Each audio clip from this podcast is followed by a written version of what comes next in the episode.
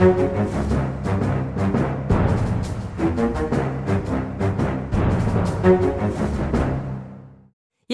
velkommen til en ekstrautgave av Aftenpodden. Dette er eh, en fredag som kommer til å gå inn i historiebøkene, og vi klarte ikke la være å gjøre noe annet enn å sette oss i studio, vi som er på jobb i dag, og som ikke har syke barn. Trine Eilertsen, Jo, takk. Hei. Vi er jo, som alle merker med en gang her, så er jo ikke Lars her. Eh, For han er jo hjemme og passer et sykt barn. Og lurer vi på eh, handler aksjer. Kanskje. Det vet vi tydeligvis aldri. Eller, ja. Eh, og du Kjetil, du er hjertelig til stede, du òg. Jo, takk. Velkommen. Her skulle man liksom lande litt rolig inn mot helg etter eh, valgkamp og valg og sånn, og så Ja. Skri levere en liten kommentar om eh, kommunalministeren, og så logge ut. Nå var det omtrent sånn. Ja, Den kommer vi for øvrig tilbake til. Ja, altså for jeg, Sara, da, prøver jo å erstatte Lars eh, som programleder. Jeg kan ikke love at jeg kommer til å holde meg kun eh, til å stille spørsmål. Det er mulig jeg også kommer til å ha noen meninger, men, men vi får se. Fordi hvor skal vi begynne? Altså, det er jo noe som heter Take Out the Trash Day eh, blant sånne spinndoktorer og, og PR-folk. Altså sånn en dag du bare du lemper en pose med skittentøy ut i offentligheten, håper på det beste. Det er ofte på fredager. Tenker sånn Folk er på vei til hytta, kan jeg bare snike denne ut? Eh, men denne dagen her, det ble ikke noe å snike ut en liten pressekonferanse. Erna Solberg sendte pressemelding i dag morges om at hun skulle ha en pressekonferanse om ektemannens aksjekjøp. Og så, dere, hva skjedde? Kan vi klare med egne ord å beskrive hvordan føltes det, Trine, å se dette? Nei, altså, det, det er jo som alltid når vi får sånne pressemeldinger, så lurer vi jo på hvem som skal gå av. Eh, så det lurer du jo alltid på. Men hun, jo, hun er jo ikke en statsråd, hun sitter jo ikke i en sånn rolle, så det var jo mer sånn hva kommer nå? Og pressekonferanse er jo et ganske sånn heftig grep. Da er det jo ikke for å Altså, da tar du ikke noe som du bare kunne sendt en, på en SMS til E24-journalistene som forbilledlig har jobbet frem denne saken. Da er det større enn som så. Men vi ante jo ikke hvor For vi, hadde, vi kan jo røpe det for lytterne. Da. Vi har en liten sånn intern Aftenpodden-chat, selvfølgelig. Og da kom det jo spørsmål fra Lars i dag. Sånn, «Nei, pressekonferanse, hva skjer? Og, og Kjetil, du, da var du litt sånn Nei, nei, nei, det her Du følte at du hadde kontroll på den der? Nei, altså, vi visste jo at hun hadde bedt om en oversikt fra Sindre Finnes over aksjehandlene, og at det, det var det som ville komme. Og så visste vi jo ikke hva som sto på den lista. Og det øh, virket jo som om Erna Solberg heller ikke visste før hun fikk den. I hvert fall ut fra det hun fortalte på pressekonferansen. Altså, for å bare oppsummere litt, da. Altså, det som viser seg, er at hennes ektemann, i de åtte årene hun var statsminister, har handlet aksjer. Eh, så mange aksjer, eh, nei, så mange handler, over 3600. Det betyr sånn omtrent to ganger om dagen Mm. har han kjøpt og solgt. På tross av at han hadde en avtale med sin kone og med statsministerens kontor om at han ikke skulle drive den typen kortsiktig handel. Han eide noen aksjeposter, det skulle han få lov til å fortsette med, eh, men han skulle ikke liksom kjøpe og selge utover det. Han skulle bare forvalte de, eller bare kunne få lov til å ha de han allerede hadde. Og så viser det seg at den avtalen har han brutt. Han har, virker det som, snakket usant om det Mhm. til både sin kone og til, hennes, altså, og til statsministerens kontor. Mhm. Og her, dette kanskje var det aller mest sånn dramatiske på den pressekonferansen. Han har også sørget for at porteføljen har vært lik ved hvert års slutt. Det var det, Slik at rapporteringen inn skulle tyde på at han ikke hadde drevet med handel. det synes jeg Det var sånn Det øyeblikket under pressekonferansen, det var sånn Å, faen! Ja. For Unnskyld meg, men det var, det var det øyeblikket, altså. Der hun sier rett og slett at han har, Mm. har gjort dette for å holde skjult det han drev med, og rett og slett opptrådt uærlig overfor henne og statsministerens kontor. Ja. Og det er, når du da sitter og ser på det, eh, som jo er helt utrolig drøyt, for det betyr jo at han har egentlig kontinuerlig de åtte årene satt sin eh, kone, regjeringssjefen, i en situasjon der hun kunne være ekstremt inhabil og bryte alvorlige lover, og kanskje til og med i verste fall dele innsideinformasjon. Ja. Som også er veldig kriminelt. Og dette har han gjort bevisst gjennom mange år, eh, uten at hun har visst det. Altså, det er i hvert fall det hun eh, sier, og hun fremstår jo troverdig på det. Ja. Eh, og da ser du jo en, eh, en eh, kvinne som har vært Norges mektigste kvinne i mange år, stå og måtte fortelle at hun er blitt bedratt på det aller groveste. Ja. Og nå har, jeg, nå har jeg faktisk gåsehud på armen her i studio. For at, eh, hvis vi bare kan dvele litt Vi går tilbake til det faktuelle her, da. Men sånn, akkurat det der øyeblikket der, sånn emosjonelt, da. Mm. Jeg tror det er første gangen Erna Solberg har grått sånn i norsk offentlighet. Hun har vært rørt tidligere, men dette er, liksom en, dette er en kvinne som er altså Hun kjemper mot tårene Mm. og sier at det gjør henne vondt at hun må være så hard mot sin egen ektemann. Og hun har vært hard. altså Erna er sånn som hun kan skyte når det må skytes, liksom. Men dette er noe av det mest sånn krasse vi har sett henne. ser at, det er, at dette er veldig personlig, ikke sant. Det, det er jo eh, Sindre Finnes har jo dratt henne ut i trøbbel før. Eh, Hvis vi husker den der 60-årsfeiringen på Geilo. Sushigate. Ja, ikke sant? Ja. Der hun styrte landet gjennom en pandemi, og han skulle bare ordne en 60-års, et 60-årsfeiring. Han skulle holde eh, kontroll på antallet på gjestelisten. Ja, det var ikke Det- veldig greit- vanskelig jobb. greit. Du had, you had one job, ikke Ja. sant? Ektefellefaglig, ekstremt svakt. Og så kommer dette, som er liksom en helt annen klasse. Ja. klasse. Det er fordi at eh, det er jo et spørsmål også, selvfølgelig. Han som du var inne på, Trine, han kan ha brutt loven, eh, men han har også satt Det vet vi ingenting om, altså, men det er jo innsidelovgivning her. Eh, det kan også være at han aldri satt på noe sensitiv informasjon, sant? Eh, det vil jo eventuelt en, en etterforskning, hvis det kommer en etterforskning, vil jo avdekke det. Men, men det er jo det rent sånn mer sånn teknisk juridiske ved Mm. dette, fordi det er jo en annen bit òg som bare handler om tillit. Ja, og det der jeg tenker akkurat nå er jo det juridiske the least of their problems. For dette handler jo om tillit, som vi har snakket om så mange ganger, at det er mye Politikere kan holde seg innenfor hver eneste lov og hver eneste regel i Norge, men du kan agere på en måte som gjør at du likevel taper tillit. Det har vi sett utallige ganger. Og det er klart for Erna Solberg så er det et, eh, er det et eh, problem at han, når Anniken Huitfeldt-saken kom opp i sommer med hennes ektemann som har eh, handlet aksjer, Mm. så er jo det en anledning for dette paret da, til å komme ut og fortelle hva de har holdt på med. Men da har han altså fortsatt å føre sin kone og eh, egentlig landet bak lyset. Ja. Og har fortsatt å sette hun i en situasjon som gjør at hun står der hun gjør i dag, og i, i den største tillitskrisen, vil jeg si, som Erna Solberg har stått i eh, siden hun ble egentlig en eh, profesjonell politiker. Ja. Og så kan du spørre, ja, men altså, det er jo ektemann, det er ikke hun. Ja, det er jo ikke så lett, sant? for tillit handler om det. Bare ta en liten titt i sosiale medier nå. Mm. Så eh, rettferdig eller urettferdig, men det er folk der ute, de lurer på mye. De sier ja, men herregud, hvis dere har felles økonomi, hvorfor har ikke du fått med deg at det er mer penger der? Og så altså, eh, hvorfor, klarer, hvorfor følger du ikke opp? Hvorfor spør du ikke? Hvorfor er du ikke mer på? Dette må jo være noe av det viktigste for deg når du sitter på så mye informasjon. Så jeg er allerede i gang sant, med at tilliten liksom faller som en stein Ja. i løpet av en dag. Og, og her har vi fått inn et lytterspørsmål, faktisk, fra en som kaller seg Ikke lenger Løkka-Lars. Eh, Han spør er vi utrolig naive som tror på Erna her, både i kjernen og i håndteringen. De har klart å dytte denne saken, betimelig til etter valget. Ja, Ja, og det, det fikk hun jo spørsmål om, sant? For hun fikk jo E24 igjen, vi må bare skryte av de. Eh, våre, våre samarbeidsvenner i etasjen over her.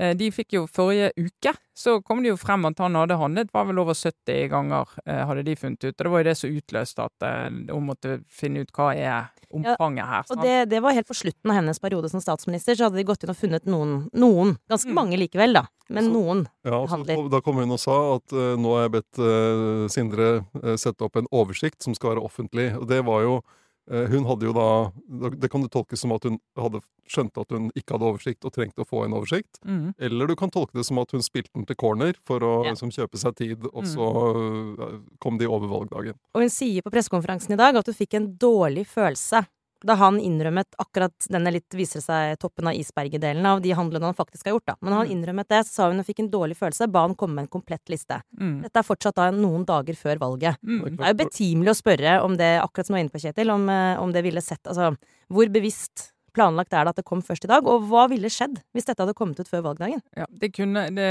det, det, kan vi snakke om. Og så tror jeg at akkurat i hva grad de kunne ha klart å komme dette før, det tror jeg faktisk vi ikke får svar på før eh, kontrollkomiteen. For de kommer jo til å spørre om det òg. Mm. Eh, sitter og spør om hele håndteringen av dette.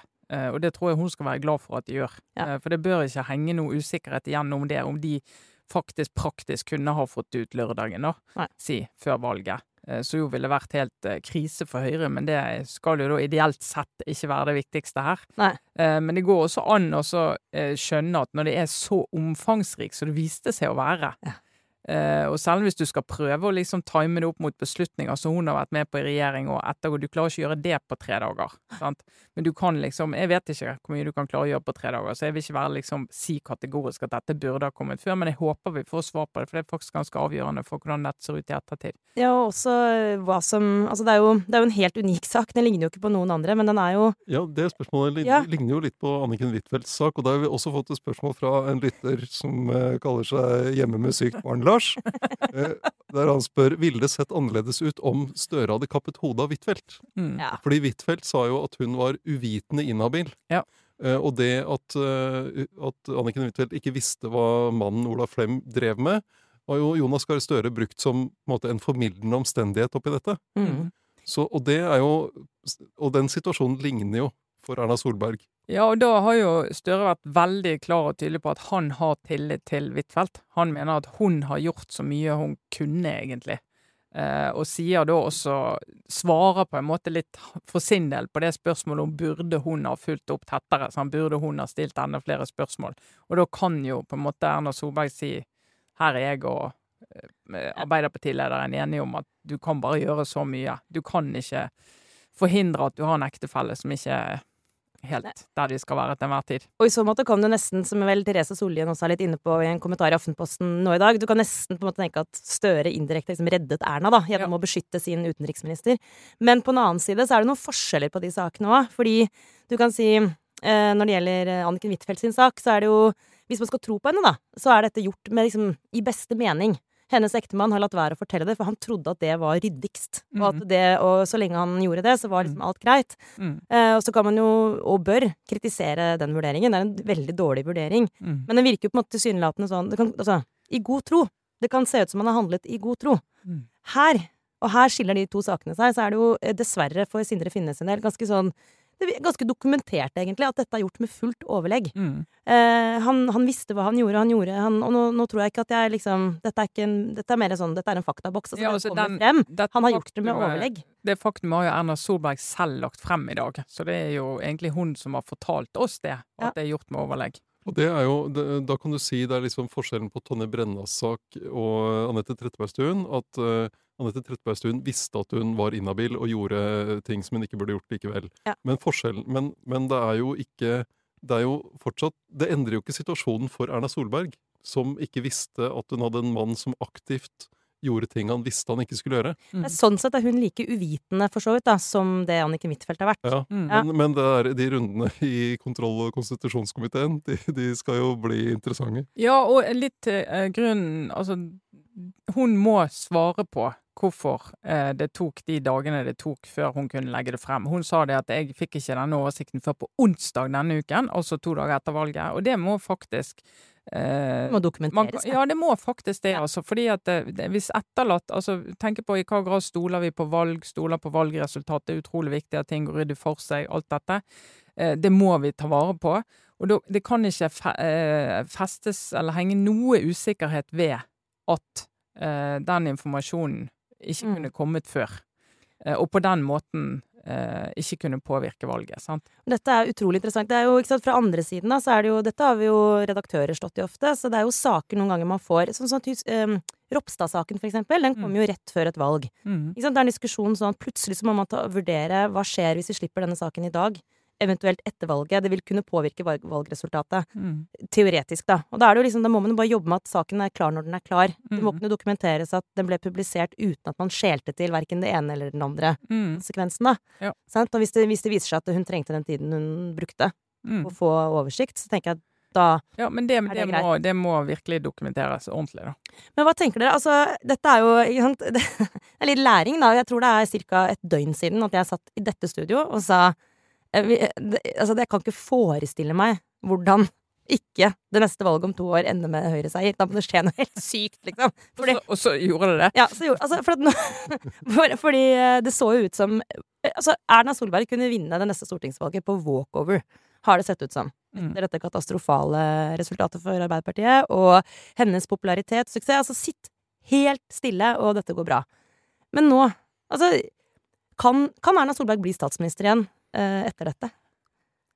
Altså, jeg tror Men sant, vi har jo sittet mange ganger midt oppi disse her eh, skandalene, så vi har sagt nei, det her er helt knusende og drepende. Men akkurat nå og så har det vist seg å ikke gjøre det, fordi at velgerne de glemmer og de tilgir. Og den Sushigate husker jeg vi snakket om, som at den kom til å være med å definere Erna Solbergs ettermæle som statsminister, og det tror jeg faktisk vi kan være enige om at det gjorde det ikke.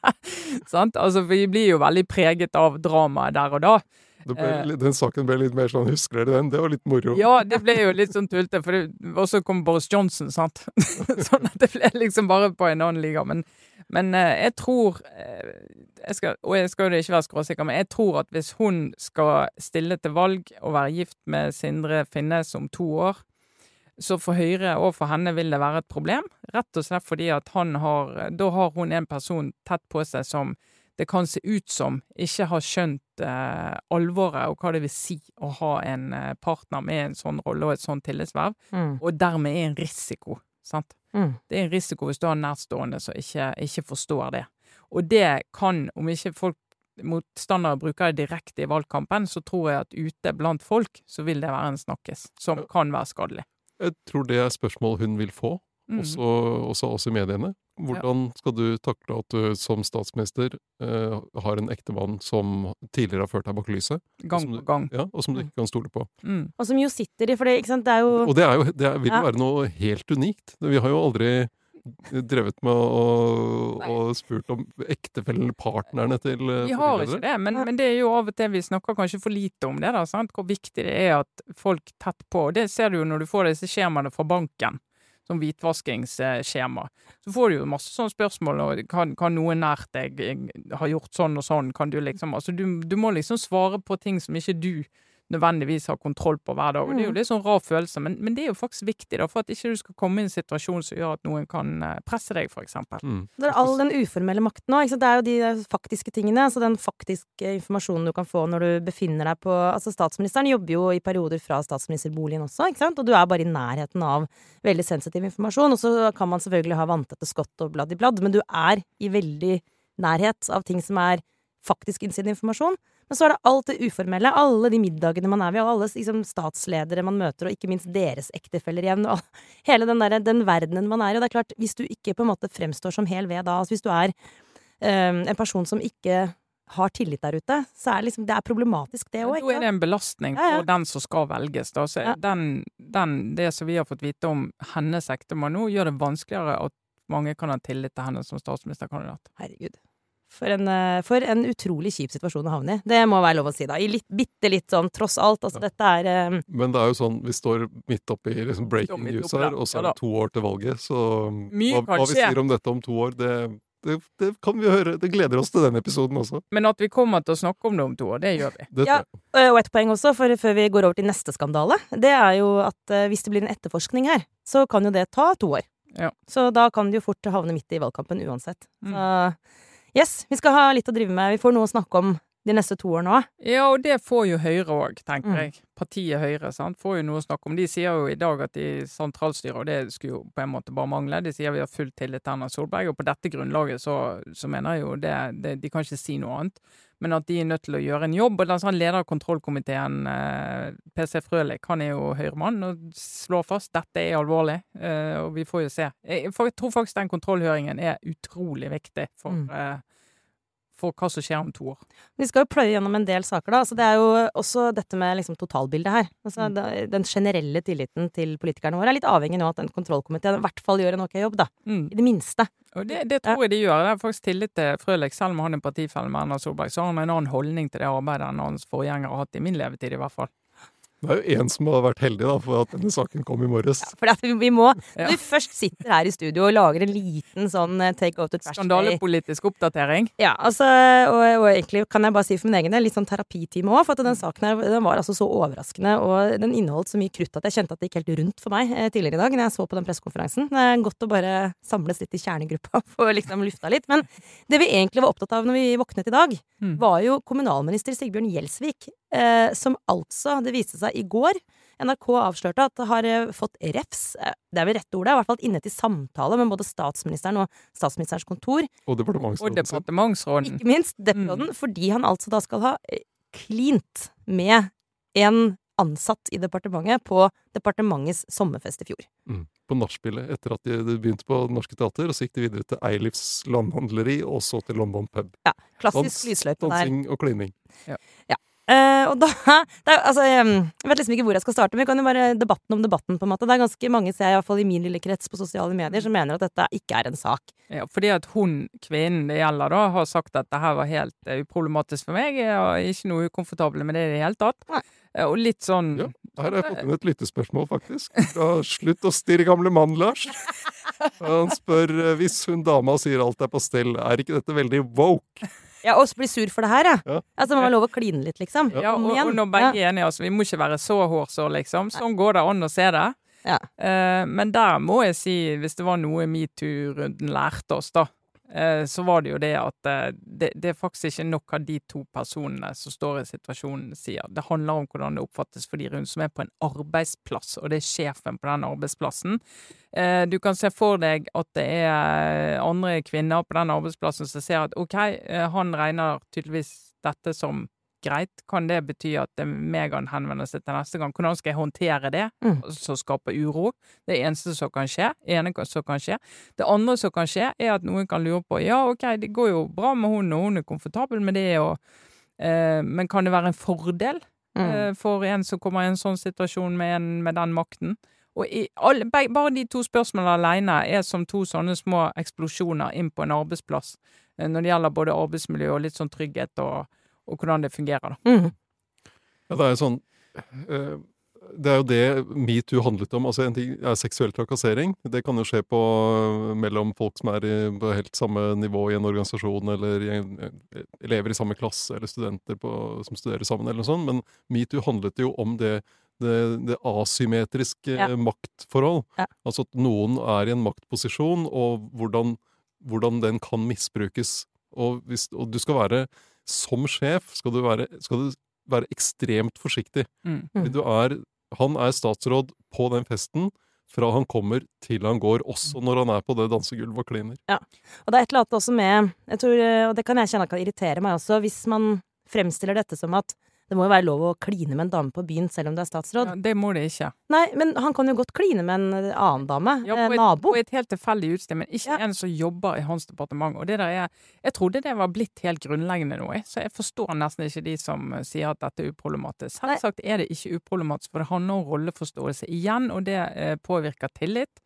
Og det i det hele tatt for kvinner i det departementet å få en følelse av at å ja, vi har en sjef som faktisk kan bli hva var det han sa, han skulle drikke for sex, og som faktisk blir helt dritings, må vi tro, eh, når han kan gjøre dette, eh, så kan dukke opp på en fest og tenke hva skal jeg gjøre hvis det er meg han kommer bort til? Den, den situasjonen skal ikke noen komme i, verken kvinner eller menn på en arbeidsplass, og de, egentlig, de har ikke noe valg, de må være der. Ja, og det som jo også ble liksom slått fast under metoo, var jo også at det, måte, det er helt åpenbart at ansvaret her er Selvfølgelig, altså Alle har et ansvar for å oppføre seg pent, men når det gjelder sånne som du var inne på, Kjetil, sånne asymmetriske maktforhold, da, hvor det er en som er sjef over Mm. en annen, Mm. og har direkte makt og innflytelse over den personen, kan for eksempel eh, ansette folk, sant? Mm. Så påhviler det jo et, et ekstra ansvar. Altså det er du som må ta skrittet ut av situasjonen. Hvis den oppstår. Eller sørge for at den ikke oppstår. Og det, det tenker jeg, det også for meg, Trine, var overraskende at, liksom, at liksom, fremtredende samfunnsdebattanter og mennesker som er, har mektige jobber, kan jo nevne Sigbjørn Aanes, for eksempel. En slags friend of the pod, må det være lov å si. Tidligere rådgiver for Erna. Han er kanskje opptatt av andre ting akkurat nå, men han var ute på Facebook for eksempel, og var sånn 'dette er en ikke-sak'. Mm. Tenker jeg sånn, Hvor har du vært? Ja, Hvor har du vært? Men da er hans logikk at så lenge det er greit for hun, så er det greit for alle. Og Ja. sånn er det ikke. Og hvis, og hvis det er noe Jeg tenker i hvert fall når jeg ser i, i min verden, eh, og ledere, hvordan ledere har forandret atferd etter 2017, så tror jeg veldig mange ledere jeg kjenner, i hvert fall, og meg sjøl inkludert, du er nøye med hvor mye du drikker når du fester med de du er sjef for. Mm. Eh, og de fleste ledere jeg kjenner, de går jo ikke på nachspiel. De går hjem. Sant? Og det er på en måte en grei hovedregel å ha. Du står ikke igjen sånn at du, du vil ikke komme i en situasjon hvor det blir eh, noe som helst uklarhet om du skjønner dette her. Det som som sjef å stå med slipset rundt hodet på syng. Det, det, det er ikke noe lurt, altså. Ja, jeg, det er- jeg unner, unner mine kolleger å gjøre det, men jeg kommer ikke til å være der. Men som sjef bør man unngå det. Ja. tenker jeg. Altså, det, mediebransjen var jo fæl på, på det området der. Var, Hvordan, eh, helt, var blant de verste. Ja. Det vet vi, Sara. Vi, vi var der jo. Jeg var der da det skjedde, og det som også er interessant, er at ikke sant, jeg har også vært hun jenta som på et tidspunkt har sagt at det, det gjorde ikke meg noe. Ja. Ikke sant? Det har vi mange av oss vært, fordi Mm. herregud, liksom. Jeg tåler jo en full sjef eh, eller en eller annen medietopp som gjør et eller annet sånn stakkarslig forsøk på litt klining ute på kvelden i Mm. halv tre-draget. Så tenker man at det kan jeg le av, og det, det har jeg helt sånn opplevd sjøl også, at det, det kunne jeg le av, det plaga ikke meg. Mm. Men jeg var altfor lite bevisst på Mm. hva det betyr for andre, Mm. eh, og også egentlig for lite ærlig med meg sjøl også på at jeg syns jo ikke egentlig at det var noe greit Ja, heller. nei, helt enig. Nei, men det, bare, det var tonen, sant. Så det der å på en måte slutte å tøffe seg og late som at dette er helt kult, og faktisk liksom oppleve at kulturen har flytta seg litt, sånn at det går an å si at dette er ikke greit, og nå må du gå hjem. Mm. Sant? Og ta, ta den plassen sjøl. Så det er ikke jeg som skal gå hjem nå, det er du som skal gå hjem nå. Herr sjef. Ja, og det, og det, og det stusser jeg jo litt på i det departementet. Og nå var det jo dette etter liksom den offisielle sommerfesten var over. Men jeg tenker jo at du må jo ha en arbeidsplass der noen kan gå bort og si til sjefen når du begynner å skli ut at du, nå, nå er det på tide, faktisk. Kanskje også når den forrige sjefen din har måttet gå av fordi han var seksuell mentor for en ung kvinne. Eh, som jo Det er- var et faktisk tilfelle! Det var jo derfor Gjelsvik fikk plass i regjering, Ja, faktisk. trengte, trengte en ny. Men, men eh, apropos det vi snakket om eh, Erna Solberg, og hvorfor kom ikke den listen, eh, oversikten, før valget? Her har jo Gjelsvik valgt å la være å svare på NRKs spørsmål Mm. Etter valget. Ja. Så det er også en interessant manøver fra hans side. Så jeg kjente det går nesten litt sånn rundt for meg. Jeg tenker på alle disse Altså, det her er eh, Orker nesten ikke mer. Hvis det kommer Jo, det er, nå, nå ljuger jeg, for at det, det, man får jo en slags merkelig energi også av saker som dette her. Ja, det- Men, eh, men nå tenker jeg liksom at det, nå må det Det, det er rent sånn journalistisk, bare så vi forklarer det. Dette er eh, journalistisk energi. Journalistisk energi. Ja, Ja ikke skadefryd. Nei, er du gal? Nei. Nei, nei, nei. nei. Det er ikke sånn vi holder på. Dette er, men vi, vi er på jobber på vegne av mannen i gata for å avdekke maktmisbruk. Det er det vi gjør. Eh, men vi får jo se, da, hva som skjer neste uke. Eh, Jeg jeg tror dette, dette kan få mange utfall. Vi er ikke ferdig, det tror jeg vi kan bare slå fast. Nei. At vi er ikke ferdig med den Erna Solberg-saken. Vi får, eh, men vi får kanskje runde av for akkurat denne ekstra episoden av Aftenpodden. Tusen takk for at dere hørte på. Takk for at du ble med inn i denne vi nesten kaller det en slags terapitime. Men denne saken var så drøy. Den trengte litt fordøying. Men eh, to be continued. Hør oss i Podme og Aftenposten sin app. Sant, Trine? Nå er du god, Du er, fader, du er så profesjonell. Jeg er oppe og nikker på altså, Så Løkka-Lars. Ja, Til og med sånne gule. Post-It-lapper som Lars bruker. ja, altså Lars, det der, eh, du må skjerpe deg litt hvis du skal ha tilbake den plassen her, for nå eh, er Post-It-Lars må komme tilbake. Ja, rett og slett. Men eh, vi kan jo også si at vi savner han. Vi regner med at vi er fulltallige igjen eh, torsdag om en uke. Eh, og hvem vet om det skjer noe annet, liksom, i de neste dagene. Så skal vi alltids klare å skrape oss sammen. Men dette var altså Aftenpodden bonusutgave på en fredag ettermiddag. Skandalebonus. Takk til Kjetil Alstheim, Trine Eilertsen og meg, Sara Sørheim. God helg!